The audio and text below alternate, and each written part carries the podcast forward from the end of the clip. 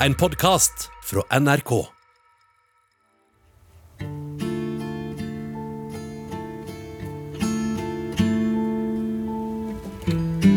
Den forrige episoden av denne podkasten slutta med at Håkon Banken ble hjulpet av scenen på Kongsvingermarten. Året var 1985, og han solgte plater som aldri før, men han holdt seg stort sett hjemme i det røde huset på Quisler. Så blir det 1986, og plutselig åpner dørene mot verden seg. Og det er takket være en pølsemaker fra Jylland i Danmark. For det er nå Birger Lønnkvist Hansen, eller Jodle-Birger som han kaller seg, bestemmer seg for å utgi en av Håkon Bankens sanger. Riktig venner kan ei kjøpes for penger. Riktig venner kan ei Riktige venner het sangen. Håkon Banken skrev den for å takke noen gode venner han hadde hjemme på Quisler, som hadde hjulpet ham i en periode han sleit. Det ble ikke noe oppstuss av riktige venner her i Norge da Håkon Banken ga den ut. Men det ble det da Jodlebirger ga den ut på dansk. Så går vi til. Kom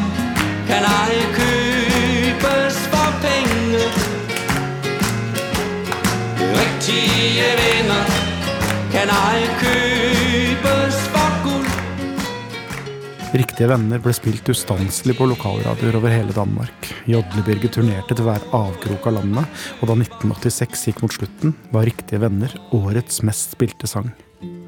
Jodlebyrget fikk eget museum og en egen fanklubb kalt Riktige venner. Han reiste til Nashville og spilte inn sangen på engelsk. Han turnerte med bandet til Elvis Presley.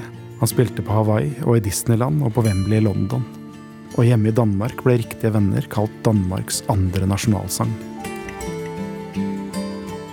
Ja, det som har skjedd eh, med den låta, det er jo helt uvirkelig. da, Det er helt utrolig, liksom. Og siden så ble jeg da bedt til eh, hjemma til Jodlebirger, han som har hatt mest suksess med låta i Danmark. Han har forresten spilt den i Amerika òg. Og fikk se en del filmer, mm, ja, videofilmer både fra Nashville og Wembley og slik, der låta var fremført. Og, og jeg visste jo ingenting, og det var helt utrolig. Det, det var så håra reiste seg.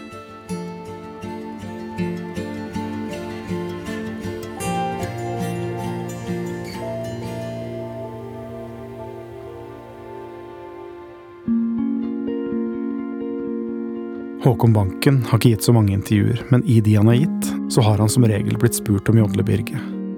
Og hver eneste gang har han svart med begeistring. Men det er én ting som er litt forstyrrende med denne solskinnshistorien. Og det er at Jodlebirget, både til journalister og til publikummet sitt, sier at det var hans naboer som hjalp ham da han hadde det vondt og vanskelig. Visste Håkon Banken det? Visste han at Jodlebirget, som hadde blitt verdensberømt takket være riktige venner, dreiv og sa at han hadde skrevet sangen sjøl?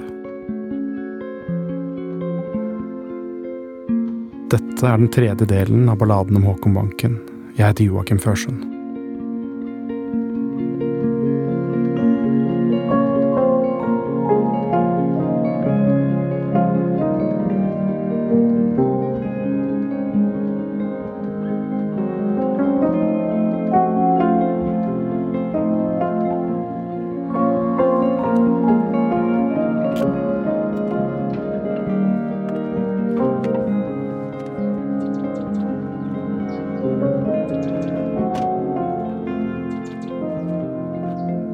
Jeg har parkert under noen trær utafor Håkon Bankens barndomshjem i Hoff. der er stedattera hans, Elin, bor. Hun var 13 år da Jodlebirger slo igjennom i Danmark, og gjennom tenåra dukka det stadig opp historier om Jodlebirgers formidable suksess. Hvordan han tok riktige venner til nye land og nye kontinenter. Hei, hei! Hei, Du får komme inn. Takk, takk. Jeg ser det egentlig ikke ut. Håkon var jo helt i ekstase da dette med Jodlebirger startet, da, og vi skjønte at dette tok av. Da gikk det nesten trill rundt for han, da, så da var det liksom eh, Da pratet han om det hele tida. Nå har de ringt, og nå har den, og nå er det slik, nå, nå vil de vi skal komme til Danmark nå, og, og tror du ikke når de spilt den på TV i hele Danmark, og eh, jeg husker at han var i Danmark og Ah, ja. traff Jodlebirger. Av en eller annen grunn så syntes han det var kjempestort å møte Jodlebirger. Og jeg tenkte liksom, ja ja, det burde være han som syns det er stort å møte deg, for det er jo du som har lagd sangen som han er nå kjempeberømt for. Men det var han som Han syntes det var stort å møte Jodle-Birger. Det var liksom det store. Det var det. Hvorfor det? Han hadde jo blitt kjempepopulær med den sangen, og det var min sang, og denne her har blitt nå så kjent, liksom. Og at det der at det ble Danmarks andre nasjonalsang, det, det var han stolt av resten av livet. Men du, ehm, eh, visste du at uh, Jodle-Birger drev og sa at det var han som hadde skrevet sangen? Eh, ja, etter hvert. I hvert fall at eh, alle trodde at det var Jodlebyrger som har laga sangen. Men han sa det også. Hvis jeg bare kan spille det. Ja. Hører du? Skal vi se. Men uh, nå skal vi til å, å, ha en melodi, som handler om noen venner, som vi har. Og uh, vi er mange venner i aften. Det er skønt. Men uh, den, vi skal høre nå her, den handler om riktige venner. Og riktige venner, det er dem, man har, hvis man kommer helt ned i skidtet, og der kommer en 3-4-5 stykker og sier 'opp igjen, min ven. Og øh, derfor så har jeg lavet en dejlig tekst, der heter 'Riktige venner. Ja, stemmer det. Slik jeg liksom minnes, så husker jeg bare at det, han syntes det var så stas at denne sangen hadde tatt så tå, så at det, det, det var bare greit for han, liksom. At eh, jeg, jeg kan ikke huske at han tok noe på vei for at noen For at Jodle-Birger sa det var han, da. Og det var kanskje aldri noe alternativ for Håkon Banken å turnere verden rundt med den sangen uansett? Absolutt ikke. Det var det ikke. Altså, det var ille nok for han å bli med på en restaurant i Sverige og ete en hamburger, liksom. Det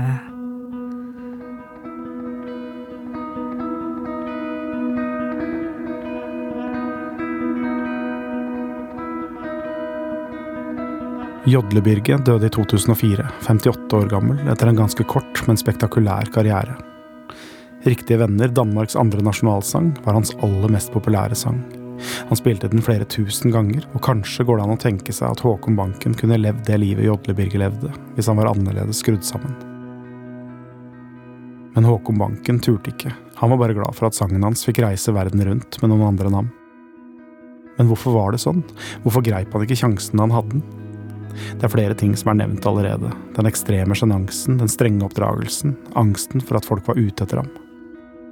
Men det er en ting til, en ting som skjedde i 1980. Før Kongsvinger-Marten og før Jodle-Birge.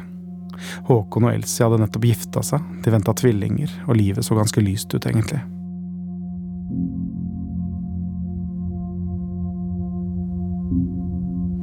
Elin var i barnehagen på sykehuset. Og Håkon skulle komme og hente meg. Skulle jeg sette til bilen min der, så skulle vi til Fredrikstad, for der bodde søstera hans med mann og barn. Og da han kom til Brandval, så skulle han kjøre forbi en skolebuss. Og der, eh, der sprang det da en gutt framme av bussen og over veien som Håkon kjørte på.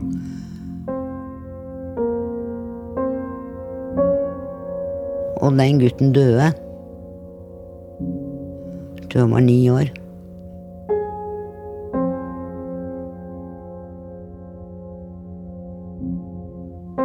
Da ringte han til meg og så sa han da at «Å, men nå har det skjedd noe fælt. Else», sa han, jeg har kjørt på en gutt. Uff da, sa jeg. Åssen gikk det da? Nei, han har deitt, sa han. Herregud, hele livet, vet du.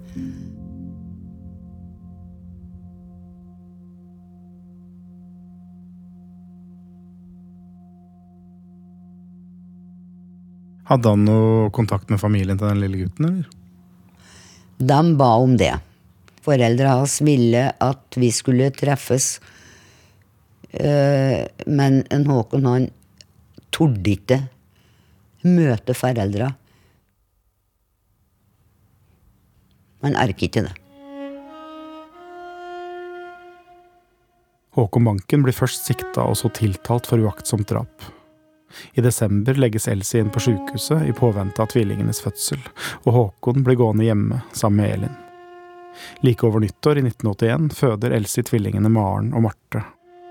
Og Håkon Banken tar heisen opp i fødeavdelinga på Kongsvinger sykehus for å hente dem. pappaen til den gutten, han jobber på sykehuset som vaktmester. Da jeg hadde fått tvillinger da, For jeg lå på sykehuset lenge, fra 4. desember til 19. januar. Så den 19. januar da hadde Håkon bursdagen sin, og da skulle jeg få reise med igjen.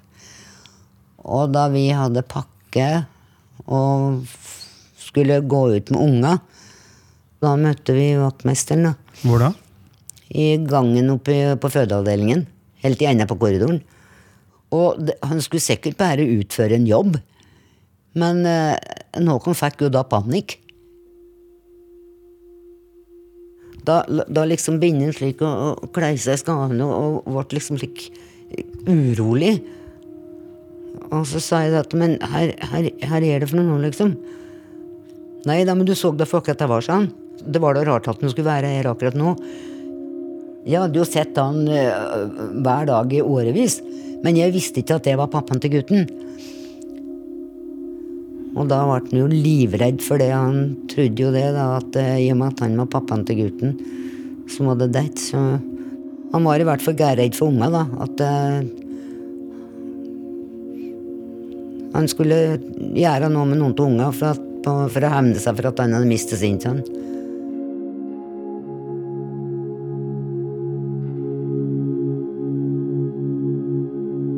Håkon Banken dømmes til ubetinget fengsel i 45 dager og skal sone straffen i Kongsvinger fengsel våren 1981. Håkons tvillinger er på dette tidspunktet bare noen måneder gamle, og stedattera Elin er åtte år. Han var liksom helt utrøstelig ned Nedsøkken i kroppen, litt lik lut. Jeg husker jo at han grein og var så lei seg, og jeg skjønte at den måtte i fengsel. Eh, og eh, jeg veit at jeg skrev brev til politimesteren i Konsvinger. Eh, Hva skrev du der? at jeg, ja, at jeg ville ikke at de skulle ta han ifra meg for å sitte i fengsel, i hvert fall. Jeg syntes at det var helt grusomt. Har du besøkt han, eller? Ja. Jeg var med på det. Kan du fortelle om det? Jeg husker at vi parkerte utafor der. En, gammel, stygg murbygning med høye gjerder og piggtråd. Det var jo helt lik Ja, det var jo skremmende for ei lita jente. Og han skrev jo en sang til oss da han satt i fengsel. Som var liksom skrevet til oss som satt attemme, da. En hilsen fra cellen. Skal vi se, jeg tror den ligger på YouTube. En hilsen fra cellen. Det er denne her, tenker jeg.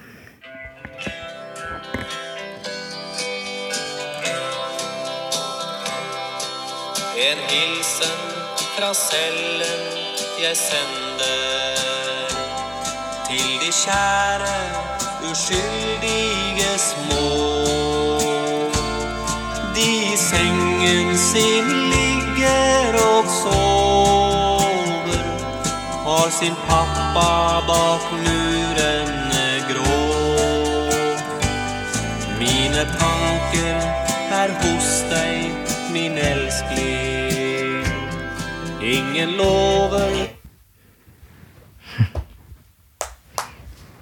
Var han i en annen forfatning da han kom hjem etter den soningen? Ja, det var han nok. Eh, dette endrer jo hele livet hans. Da tror jeg var noe som plagen hver eneste dag resten av livet.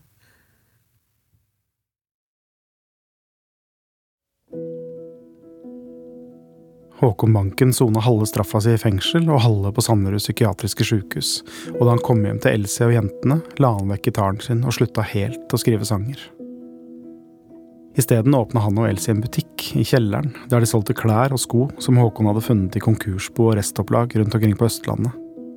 To ganger i året kom Håkon Banken springende fra postkassa mens han vifta med utbetalingsslippen for platesalget sitt. Pengene gikk stort sett til campingferie i juli og julefeiring i desember. Litt gikk nok til bil også, for snart begynte han å importere Volvoer fra Sverige, og han kjøpte gamle vrak som han taua inn i garasjen, retta opp og lakkerte og solgte. Og det var stort sett her han var, Håkon Banken, gjennom 80- og 90-tallet. I garasjen, med en gammel bulkete bil som skulle rettes opp. Hei, det er Joakim. Hei. Du, nå står jeg Nå har jeg akkurat kjørt forbi Philadelphia. Ja, det ser jeg. Med noe rosa blomster. Der var du. Da kommer jeg. Ha det. Marte Banken har bosatt seg omtrent midt imellom barndomshjemmet sitt og Philadelphia. Hun er den eneste av døtrene til Håkon som har arva farens lidenskap, og ute på gårdsplassen står bilene lina opp på rekke og rad.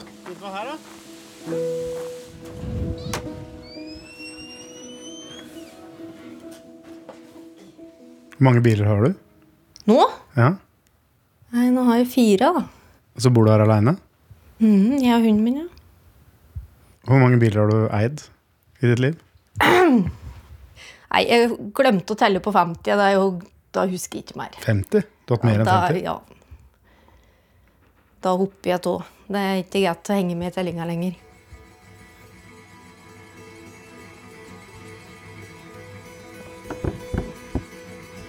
En, to, tre. Kan du si en, to, tre òg? En, to, tre. Jeg tror kanskje det var et Når du ser ham for deg, hvordan ser han ut da? Nei, jeg husker jo mest ifra, ifra jeg var lita, egentlig. Ja, da gikk han jo stort sett i kjeledressen, da. Stort sett. Alt mener jeg. Han er i garasjen, eller Han åpna avisen tidlig om morgenen og saumfarte etter biler. Og da var det liksom helt i hundre, og, og så var det da å ringe og forte seg og reise for å hente den bilen. Så var jeg malen med å væske dem og gjorde dem rent. Og belønninga Belønninga da, det var å få lov til å kjøre bilen etterpå ei runde. Hvor gamle var dere da? Åtte år. Jeg kjørte ned til Saurenga, heter det. Og det var det jo liksom bare jordet rundt og grus og vegg. Og jeg husker den ene pickupen som jeg skulle kjøre den gangen. Det var en Volkswagen pickup. Hvit men noen legg blå striper på sida. Og da var jeg så lita så jeg måtte stå for å rekke ned til pedala. Og da skulle da hjertet meg gire, da. Til første gir. Og Så husker jeg at vi fikk ja, Først var det første gir ei stund, liksom. Og så helt til vi kom opp til tredje gir, men da fikk jeg ikke lov til å kjøre noe fortere. Du smiler. Ja, det er ikke noe rart, det. For man var liksom Jeg var tidlig lært til å kjøre bil, for å si det slik.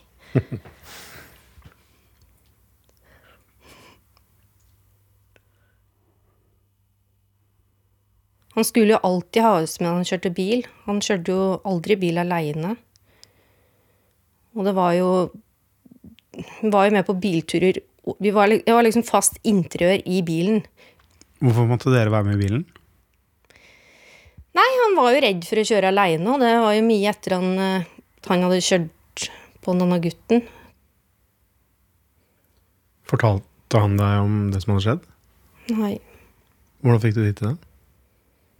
Jeg fikk eh, faktisk vite da jeg og Maren drev og skulle eh, finne noen utklippsbilder, egentlig, som var til ja, slik lekseoppgave. Um, og da gikk vi jo inn på soverommet til mamma og pappa, for det visste vi at det var forskjellige ting i skuffa, tenkte vi kanskje kunne bruke, da. Hvor gamle var dere da? Ti år. Ehm, og så var vi litt nysgjerrige, da. Så åpner vi nederst skuffen, og der var det jo Matt i ukeblad. Så begynte vi å lese i de ukebladene, og da så vi plutselig at det, det var jo Det var jo ukeblader som mamma hadde spara på etter pappa.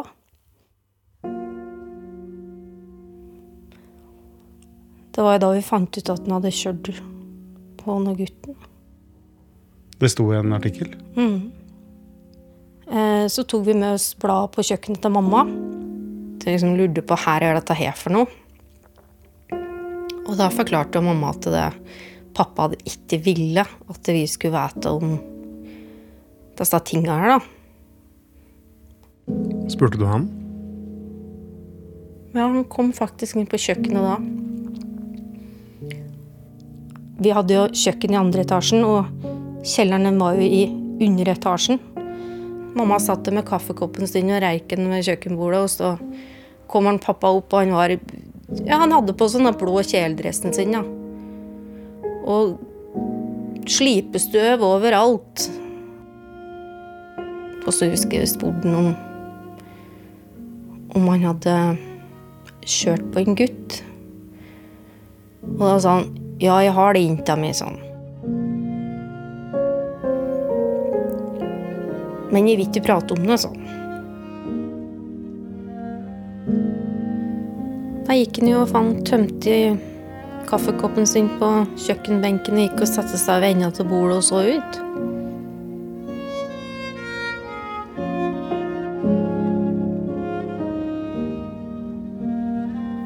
Uten å si noen ting.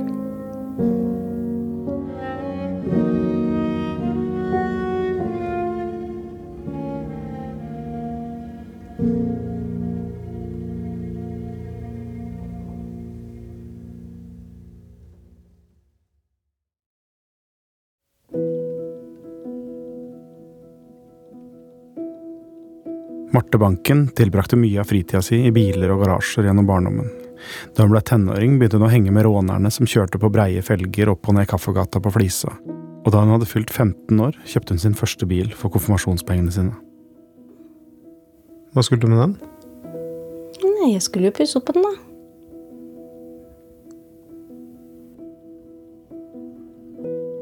Det var jo den tida BMW E30 den tida. Så da kjøpte jeg meg det, og jeg husker at uh, jeg og pappa drev på jeg vet ikke, ja, i hvert fall et år. jeg nå. Fikk unna bilen da, hjem igjen på Quisler og ned i garasjen.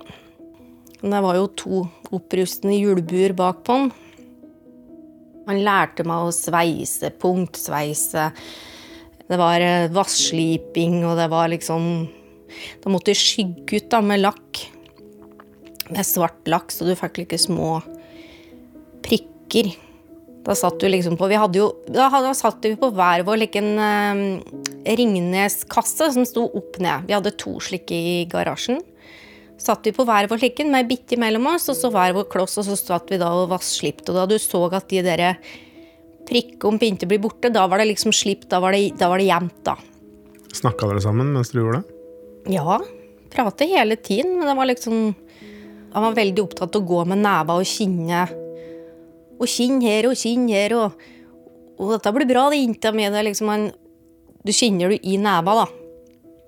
Og det var jo liksom det han drev og viste meg. Så dere fiksa hele den BMW-en sammen?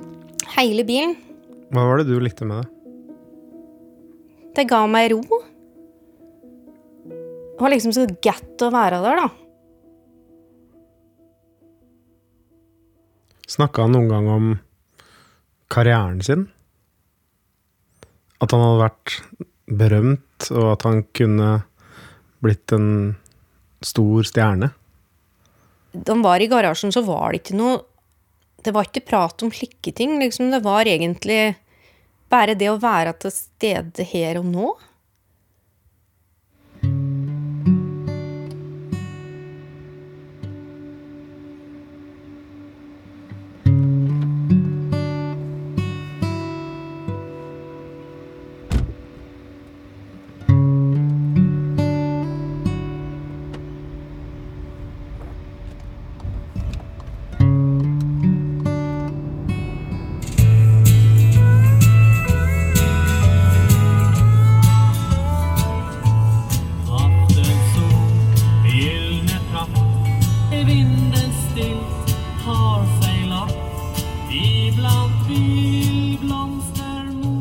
På vei til Håkon Bankens yngste datter, Dorte, som bor på Flisa sammen med samboeren sin og to små barn.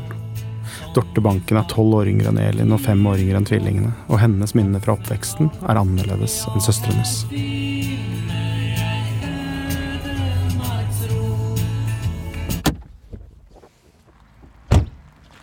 Hallo? Hei. Tusen takk. En, to, en, to, jeg heter Dorte Banken. Hei, hei. Hei, hei. Bra. 1, 2, 1, 2. Jeg var ganske liten da jeg skjønte Eller da jeg ønska at Jeg kunne ønske pappa bare satt og så på fotball en kveld. Og jeg skjønte at hm, det er andre sine pappaer. Jeg har jo alltid hatt um, følelsen av at jeg må passe på pappa. Ah, ja. Følelsen av at pappa klarer seg ikke sjæl. Jeg husker at uh, en søstera mi spurte meg en gang uh, hvorfor jeg ikke ville ligge borte. For det var et eller annet med at jeg skulle Jeg ville egentlig Eller jeg skulle bort. Men så ville jeg ikke ligge borte allikevel, og det tror jeg var fordi at jeg ville være hjemme og passe på pappa. Fordi jeg visste at pappa ikke var glad i å være aleine hjemme. Om jeg sa det, eller om jeg bare dekket over det, da. Det husker jeg ikke, men jeg husker at hun spurte meg. eh, Og at, eh, og at det var derfor.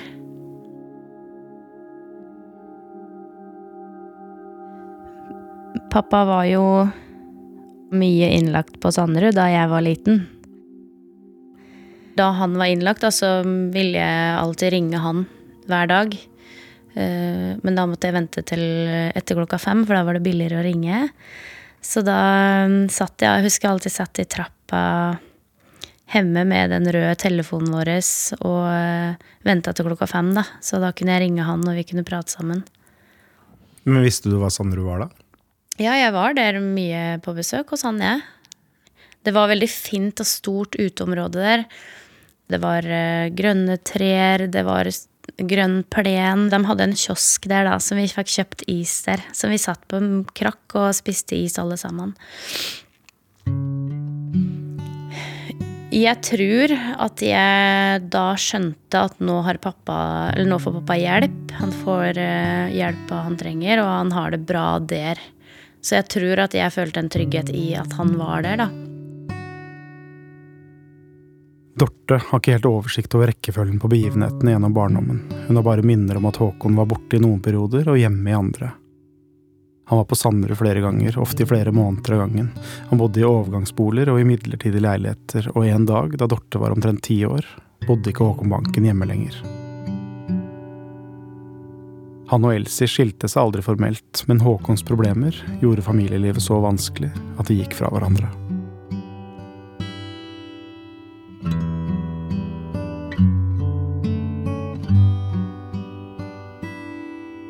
Det er jo veldig rart å tenke på at eh, hver helg da jeg var utpå på Flisa eller på fest eller noe, så hører jeg pappa spille på radioen og på CD-spilleren, og folk ringte meg i tide og utide, eh, fulle da, gjerne, for å 'Å, er du dattera til Håkon Banken?'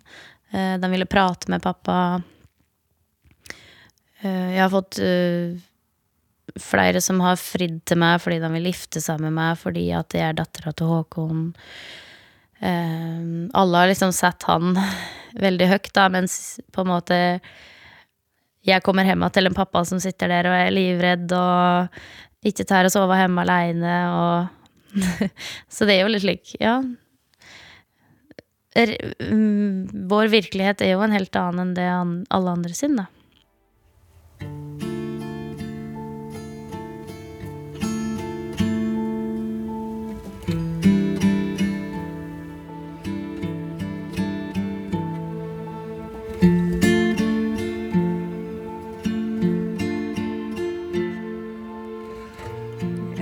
Ja, det var liksom etter jeg ble voksen, da. Mm. At jeg skjønte det, liksom. At han kunne gå på scenen og synge en sang og få mett i penger. Tenk, tenk så enkelt, husker jeg tenkte en periode. Tenk om jeg bare kunne gått på scenen og så bare synge en sang, og så hadde jeg fått matt i penger. Hvor enkelt kan det bli, liksom? Jeg husker jeg sa det, at kan du ikke kan ikke du gå på scenen bare for meg, da, så sette inn de pengene til meg? Bare ta en sang, for, liksom, så kan jeg få det Vi drev og tullet, like. Og da sa han at og det skulle jeg gjort inntil meg, men jeg erker ikke. Da var det liksom litt lik dere rollene litt snudd. At vi var der mye for han. Eh, og ordne opp og hjelpe til. Eh, slik som kanskje andre har det motsatt, da. At det er faren som er og ordner opp og hjelper deg i det voksne livet òg.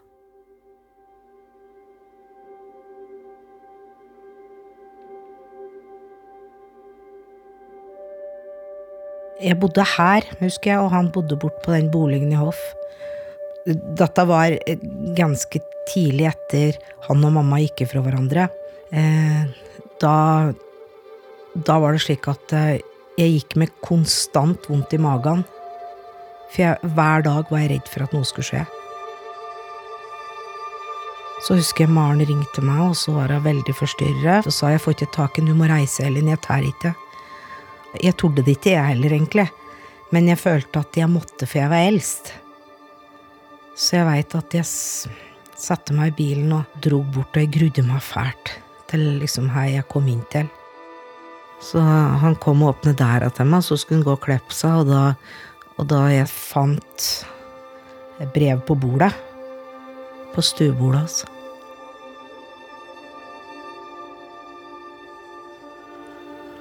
Nei, det var et brev til oss jentene, i grunnen, da. Der han på en måte forklarte at han ikke erker mer, og at han ville ikke liksom at At vi skulle bli lei oss og Eller, ja. Han sto opp da jeg kom, da. Og da rakk han jo ikke rydde bort dette.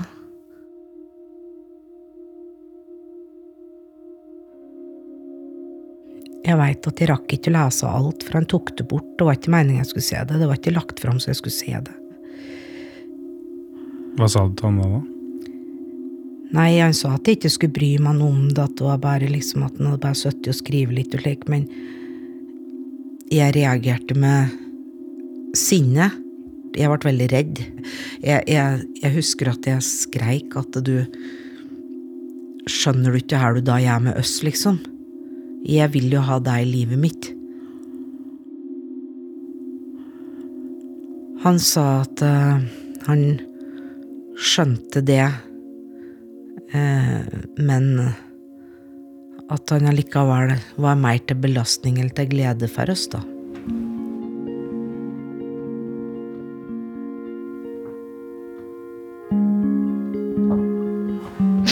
Men ville ikke liksom prate noe mer om det, egentlig, da. Eh, da var jeg redd hver gang jeg dro dit.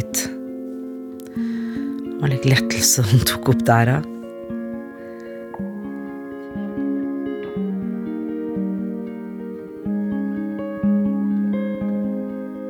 Du har hørt den tredje delen av balladen om Håkon Banken, og selv om det tilsynelatende er liten grunn til optimisme, så går vi i del fire mot lysere tider. For Håkon Banken har ikke sunget sin siste sang likevel.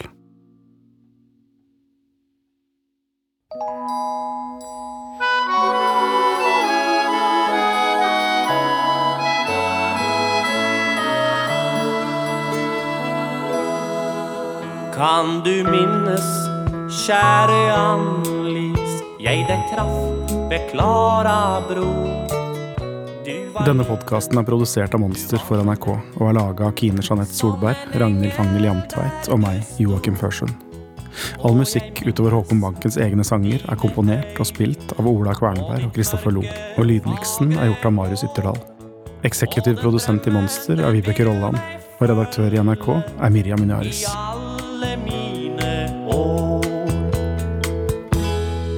Vet du det, lille Annelise, at du var fin skogens dronning? Og ditt ytre og ditt rike, ja, det sto jo i stil. Ja, du kunne være stille som Skimsjøen og vill som Klara, eller lys som en klokka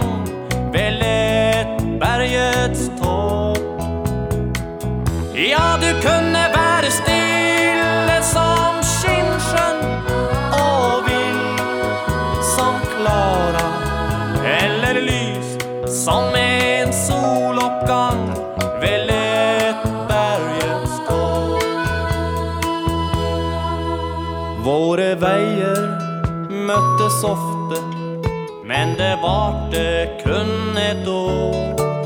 Og til Finnskogen jeg reiser, så snart som det blir vår.